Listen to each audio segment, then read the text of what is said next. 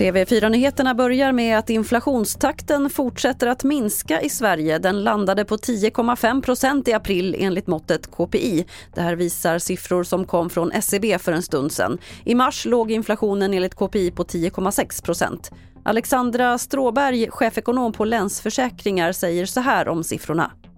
Det här är ju goda nyheter att inflationen faller mer än vad man kanske trodde och det betyder ju också att det är möjligt att Riksbanken avvaktar i juni, det vill säga att man inte höjer räntan ytterligare då utan väntar och ser hur det här utvecklar sig.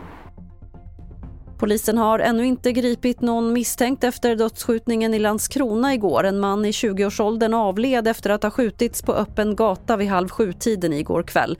Polisen har bland annat hållit förhör med flera vittnen och knackat dörr men de har alltså inte gripit någon misstänkt. Och vi avslutar med att förhandlingarna mellan facket Seko och Almega Tågföretagen fortfarande håller på. Och om parterna inte enas idag så kan en tågstrejk bryta ut i eftermiddag.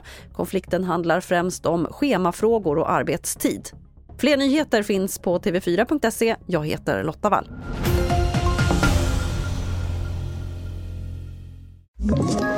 Ett poddtips från Podplay. I fallen jag aldrig glömmer djupdyker Hasse Aro i arbetet bakom några av Sveriges mest uppseendeväckande brottsutredningar. Går vi in med hemlig telefonavlyssning och, och då upplever vi att vi får en total förändring av hans beteende. Vad är det som händer nu? Vem är det som läcker? Och så säger han att jag är kriminell, jag har varit kriminell i hela mitt liv men att mörda ett barn, där går min gräns.